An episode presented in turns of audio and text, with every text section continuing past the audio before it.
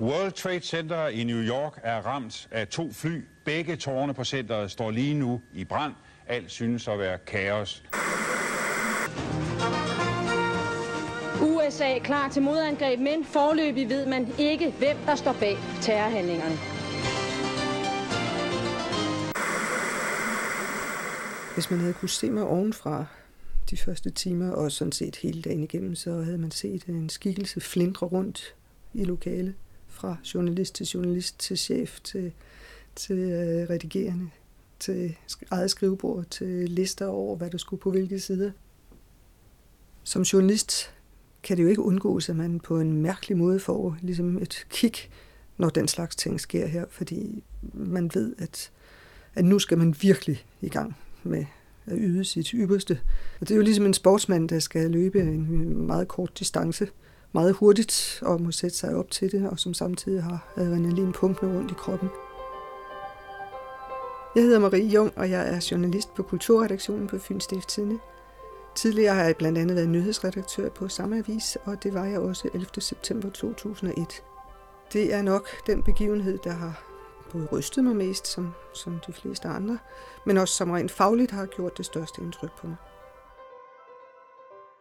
Jeg har aldrig set så mange øh, medarbejdere i så meget i sving på så relativt kort tid, for vi skulle nå at have alting med til næste dags avis, for vi vil jo gerne markere os. Selvom vi er en fynsk avis, så vil vi gerne vise, at øh, når den slags ting sker, så kan vi tilbyde et produkt, der har en lige så stor værdi for læserne som de landstækkende aviser. Jeg sad på min plads som nyhedsredaktør og egentlig bare havde en ganske almindelig dag foran mig. Den havde jo været i gang et stykke tid, og vi havde haft planlægningsmøder og diskuteret, hvad der skulle på forsiden. Klokken 15.03 cirka ringede sportsredaktøren ind. Han havde lige hørt radioavis og ringede for at sige, at jeg nok skulle slå over på CNN, den amerikanske nyhedskanal. Så øh, vi skyndte os at lægge på, og jeg tændte. Og jeg tændte for fjernsynet lige i det øjeblik, hvor det andet fly kom rundt om hjørnet og bragede ind i bygningen. Det er jo fuldstændig ubegribeligt at se et fly, der flyver ind i en bygning, der derefter bryder i brand. Jeg står simpelthen op ad væggen, og der kan jeg huske, at jeg bare blev stående op ad væggen et stykke tid og prøvede på at få min vejrtrækning til at blive normal. Og jeg kunne ikke tænke på andet, end, end hvad i alverden det her var, og hvad vi skulle gøre ved det. Det første, jeg gjorde, da jeg havde set flyet, var at kontakte min redaktionschef og sige til ham, at nu er der sket noget virkelig, virkelig stort. Og vi er nødt til at droppe alt, hvad vi har haft af andre planer, fordi nu skal vi bruge, nu skal vi bruge alt, hvad der kan findes af kræfter til at få dækket det her. Og derefter skyndte vi os at indkalde til møde med de journalister, som var på arbejde, og som nu skulle lave noget helt andet, end det de troede, de skulle lave, da de mødte. Øh, den første tanke er jo, om man, når sådan noget sker, er jo, om man kan finde nogle helst fynboer, fordi vi jo er en fynske vis, der har været tæt på det her, eller kender nogen, der har været tæt på det her, har familie, der har været tæt på det, kolleger, i det hele taget ved noget. Og det er selvfølgelig en lidt mærkelig måde at tænke, at det her det skal være fynsk, når det er så kæmpestor en begivenhed. Men, men det er jo sådan, vi tænker.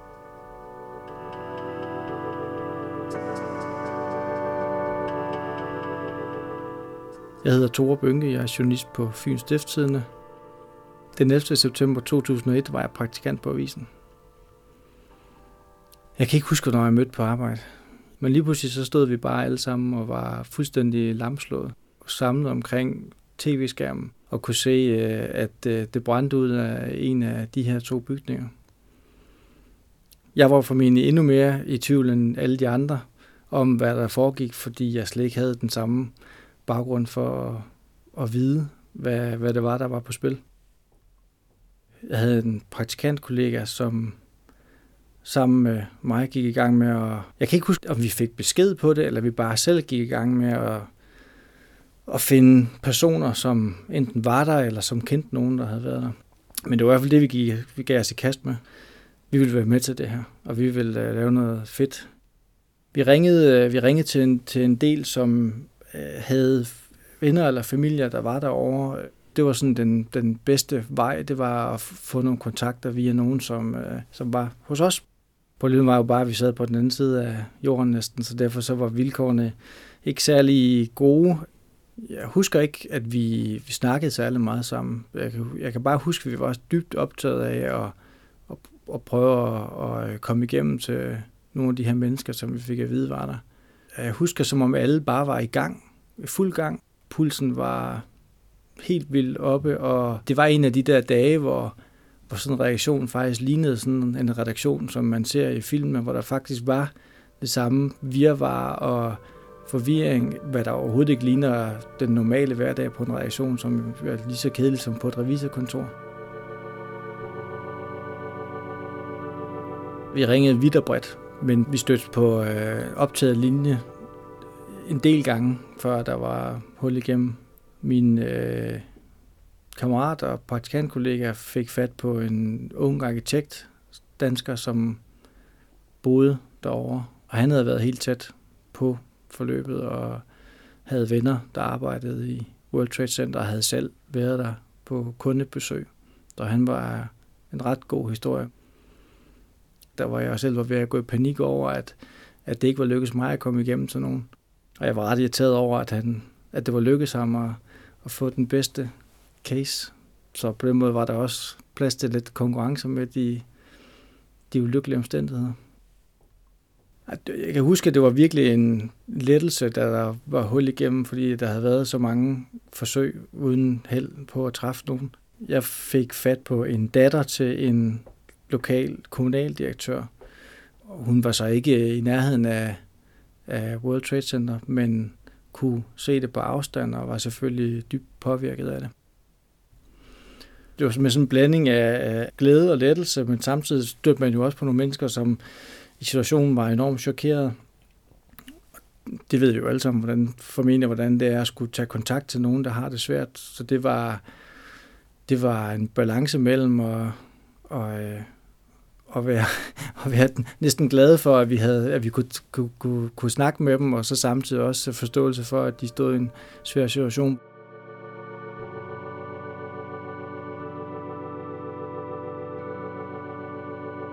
Jeg tænker det som en, en milepæl i, i øh, min journalistiske tilværelse, at have været på arbejde sådan en dag, fordi det er en dag, som jeg husker.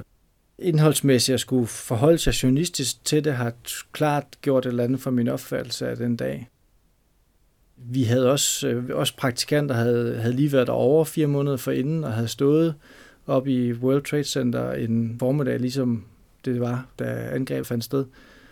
Øh, så på den måde, så var vi jo måske ekstra opmærksom på det, fordi vi lige havde haft den oplevelse af at stå præcis det samme sted på præcis det samme tidspunkt, bare fire måneder forinden.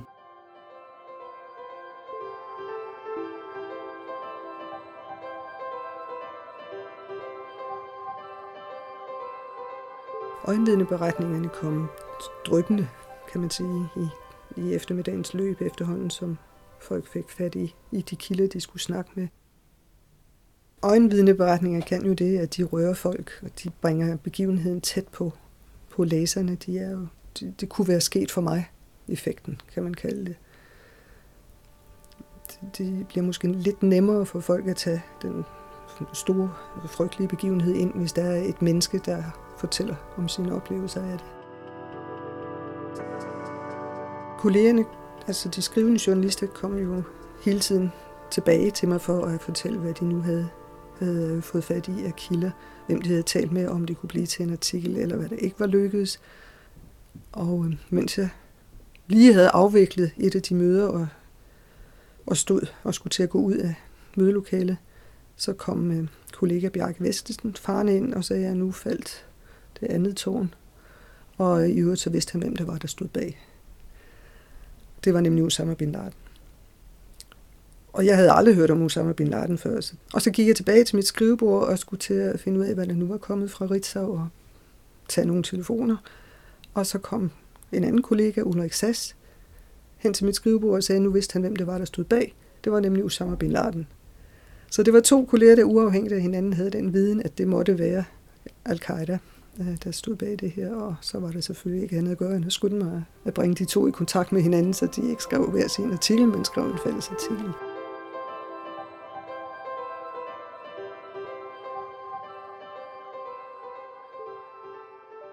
Jeg hedder Ulrik Sass, og jeg er i dag på Odense-redaktionen. Den 11. september 2001 var jeg på samfundsredaktionen. Dagen begyndte meget normalt for mig. Lige pludselig så blev der tændt for fjernsynet, og så var der nogen, der sagde, har I set, der er nogen, der har fløjet et fly ind i, ind i World Trade Center? Det var sådan et, wow, no, det, var da, det, var, det var da mærkeligt. Det sad vi sådan og kiggede lidt på, mens vi arbejdede. Og så lige pludselig så opstod der sådan et fuldstændig surrealistisk øjeblik, hvor man sådan så det andet tårn, og så lige pludselig kom der sådan et fly sådan i slow motion nærmest, som sådan bragede ind i det der tårn også, og folk de var helt sådan blown away. Altså det var sådan helt, what? Det var vildt fjernsyn, det der. Det var det altså. Man vidste godt, at det nok højst sandsynligt var et terrorangreb, men da det andet fly så fløj ind, der var man ikke et sekund i tvivl om, at det var, det var et kæmpe terrorangreb. Så, så tænker jeg bare sådan helt, helt instinktivt, tænker jeg, det vil jeg finde ud af, hvem, hvem, hvem søren kan det være, der, der, der har gjort det der. Så begynder jeg at research på nettet. Altså i dag, der vil man jo sige, at det ville være helt naturligt, men det var ikke sådan fuldstændig naturligt dengang. Altså jeg søgte i New York Times' arkiv, jeg søgte i The Times i London i deres arkiv, og du kunne komme ind i specialiserede tidsskrifter og, og læse artikler, og så, så jeg gik sådan set bare på jagt. Og så ret hurtigt faldt jeg faktisk over en artikel, der beskrev, at World Trade Center var blevet angrebet i 93. Og det var en, det var en blind egyptisk sheik, der havde stået i spidsen for, for det, så han, han boede endda i USA, og de havde haft træningslejre i udkanten af New York og i Philadelphia, hvor de havde trænet folk til at lægge sprængstoffer under World Trade Center og havde forsøgt at sprænge det i luften. Og da jeg læste det, der var det næsten sådan, at jeg fik gåsehud. Fordi det var helt tydeligt det.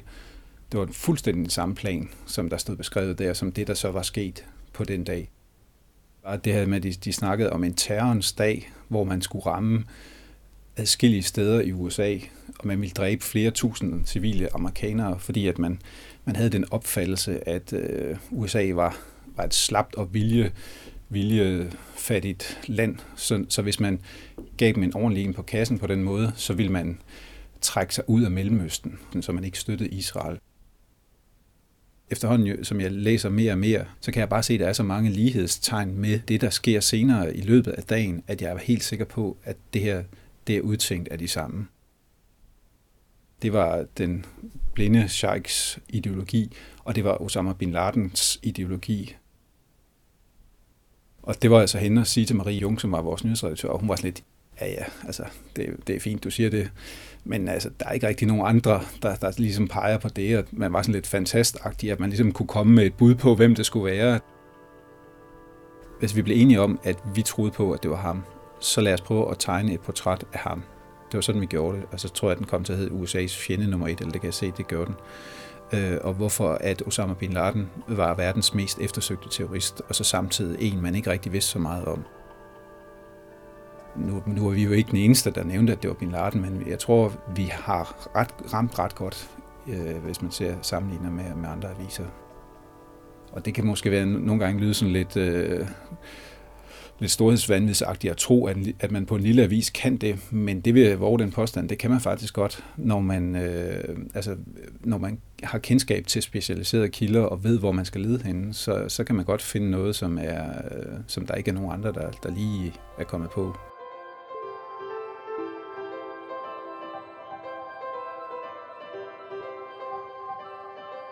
Det var naturligvis lidt et sats af stole så blindt på to kolleger, men altså, når vi turde gå ud, så skråsikkert at sige, at det var Osama Bin Laden, der stod bag, så var det fordi begge de to journalister øh, havde jeg meget stor tillid til. Jeg vidste, at de var meget fagligt velorienterede, og det, og det var virkelig noget, der bidragede til, at vi kom ud med et kvalitetsprodukt. Jeg vil tro omkring klokken 19.20 stykker, der har vi fuldt overblik over, hvad det er, der er gang i og hvad der skal på hvilke sider, så derfra øhm, bliver det egentlig ikke så, ikke så øh, travlt at være mig. Den sidste begivenhed, der skete, skete, så vidt jeg husker, efter 22, hvor vi fik et tip om, at der kørte palæstinenser rundt med flag ud af vinduerne og jublede over det, der var sket. Det kom bag på os, at nogen kunne finde på at flage og hude, og jeg tror først, jeg tænkte, det kan simpelthen ikke passe. Det er løgn. Det er ondsindet slaget. Men det var det jo så ikke. Vi sendte en presfotograf til Voldsmose, for at se, om han kunne få taget billeder, og det var, det var ikke sådan lige til for ham, må man sige, fordi han blev truet, og, og nogen forsøgte at tage hans kamera, så han må klamre sig til det for at få lov til at passe sit arbejde, hvilket også lykkes. Han og så den journalist, der så skriver artiklen, er formentlig de sidste, som bidrager til, til, til avisen. Det aller sidste, vi skriver til avisen, er forsidehistorien. På forsiden skulle vi have et godt billede, og vi skulle selvfølgelig have en overskrift. Måns Kruse sad ved sin computerskærm, og det udartede jo lidt til en slags studiekreds om, hvad der var de bedste ord her.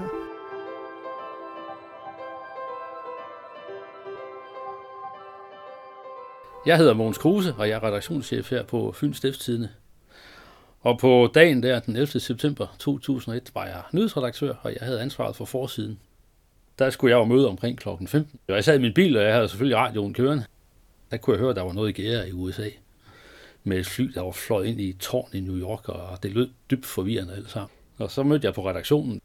Der var en vis, en vis opstandelse og forvirring. Kan det her være rigtigt? Sker det her i virkeligheden egentlig? Altså, og, og hvordan fanden skal vi gribe det her ind? der gik faktisk lidt tid, før vi sådan rigtig gik op for os, at det her det var så kæmpestort, så vi nok skulle se at rydde hele første sektion. Og så kom der jo nye ting til. Der var det der fly, som ramlede ned i Pentagon. Og der var et fjerde fly, som ramlede ned på en mark ude det højeste sted i USA. Ikke? Og så kom meldingen jo så om, at, øh, at den amerikanske Air Force One var gået på vingerne med præsidenten, ikke? og det hvide hus er blevet evakueret. Ikke? Så så får man jo sådan en kold følelse ned ad ryggen, ikke? så tænker man, okay, det er en historisk avis, vi skal lave til i morgen.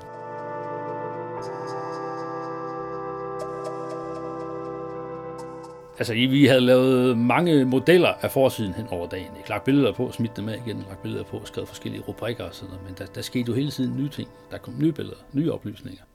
Så omkring kl. 22, dengang havde vi det langt kl. 23.30, og vi havde jeg kan ikke helt huske det, men jeg tror nok, vi havde rykket den til midnat. Hvor man ser sådan, nu, nu skal vi til at have lavet slutproduktet. Og der havde jeg jo sådan en mindre kødrand bag ved mig af folk, som vi se, hvordan den her forside nu lige beskruet sammen. Ikke? Altså, tankerne var jo først, at det nok skulle være billedet af tvillingetårnene i brand. Ikke? Øh, men efterhånden som dagen gik, så kunne man se, at de billeder har bare været bragt alle steder. Hvis du har åbnet noget som helst elektronisk den dag, så har du set det. Og så er det jo sådan, at hvor svært det så er sådan en dag, ikke? at avisen skal ligesom prøve at komme et skridt videre. Ikke? Altså når den ligger i postkassen kl. 7 om morgenen, så skal den helst ikke være alt for forældet. Ikke? Og så kom der jo så billeder taget ud fra bugten, ud fra omkring Frihedsgudinde, der nærmest overvejen, ikke? med øh, billeder fra, hvordan New York så ud. Altså hvor det bare lignede en by i, under et kæmpe bombeangreb. Ikke? Altså hvor man ligesom kunne se, hvor stort er det her egentlig. Og så er det tit i sådan, sådan en diskussion, der, ikke? at der, der kommer hvor du ikke helt hører efter, men du hører efter alligevel. Og lige pludselig så hører du en sætning, hvor, hvor man siger, okay, der er den. Og der var det, at de amerikanske, den amerikanske administration havde jo brugt begrebet om, at landet er under angreb. Øh, og det var sådan set også det, vi valgte som rubrik, fordi det var det, der... Altså skrive terrorangreb, det, det, det var jo udbasoneret. Og der var den der tale om, at øh, NATO havde jo den der solidaritetsregel, der hedder, at hvis en af os bliver angrebet, så, så, så går vi alle, altså, så står vi alle sammen. Ikke? Mm. Altså så, så vil angriberen være i krig med hele NATO. Og da den retorik ligesom begyndte at komme, der gav den rubrik, som så vi endte med at bruge USA under angreb, mening. Og så var det egentlig at få skrevet en, en forholdsvis kort tekst om, der lige ridser op, hvad det så, der er sket, og så få lavet en masse henvisninger til alt det, vi havde smidt ind i avisen. Det er en af de aftener, hvor man har haft rigtig, rigtig travlt til det yderste. Og det er sådan en aften, hvor man ikke kan falde ned igen bagefter. Man kan ikke bare tage hjem og gå i seng, fordi du har bunker af adrenalin i blodet, ikke, som man lige skal. Så det er så sådan en aften, hvor man gik ud i ølautomaten og, og fandt noget derude, ikke, og satte sig ned og fik, øh, og fik landet dagen. Med at sidde og bladre avisen igennem. Var det her godt nok? Hvad kunne vi have gjort bedre? Ikke? Og, og egentlig bare give hinanden et skulderklap på, at, øh, at vi selv synes, vi fik lavet en, en god avis. Det er en af de øh, sjældne dage, hvor øh, jeg vil tænke, at hvis ikke jeg havde været på arbejde, så ville jeg have fået en hjerneblødning.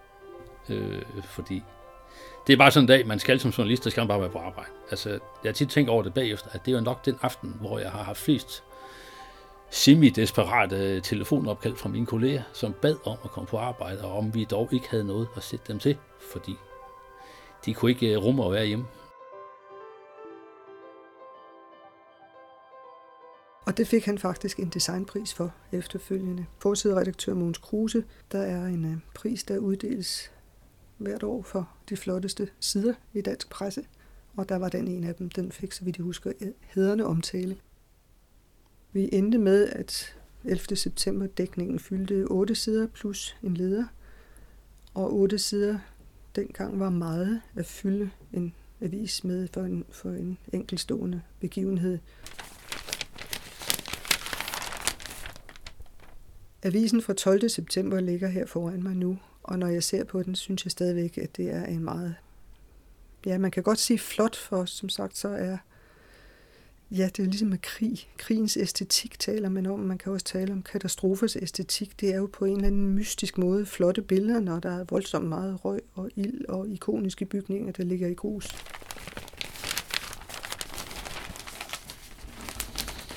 På side 4, der har vi to af de bedste historie.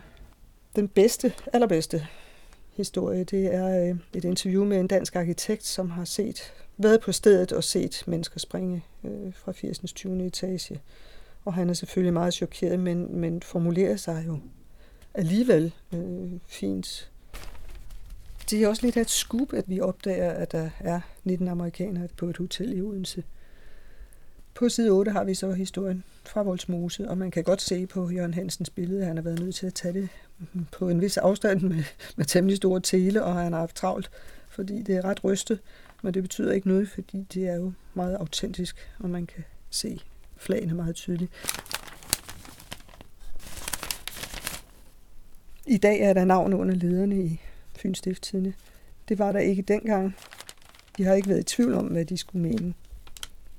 Og jeg kan meget godt lide deres konklusion til sidst. Det er først, når tanken om fred bliver opgivet, at terroristerne har sejret. Det lyder mærkeligt at sige det, men jeg synes jo også, at det var fantastisk at være på arbejde den dag.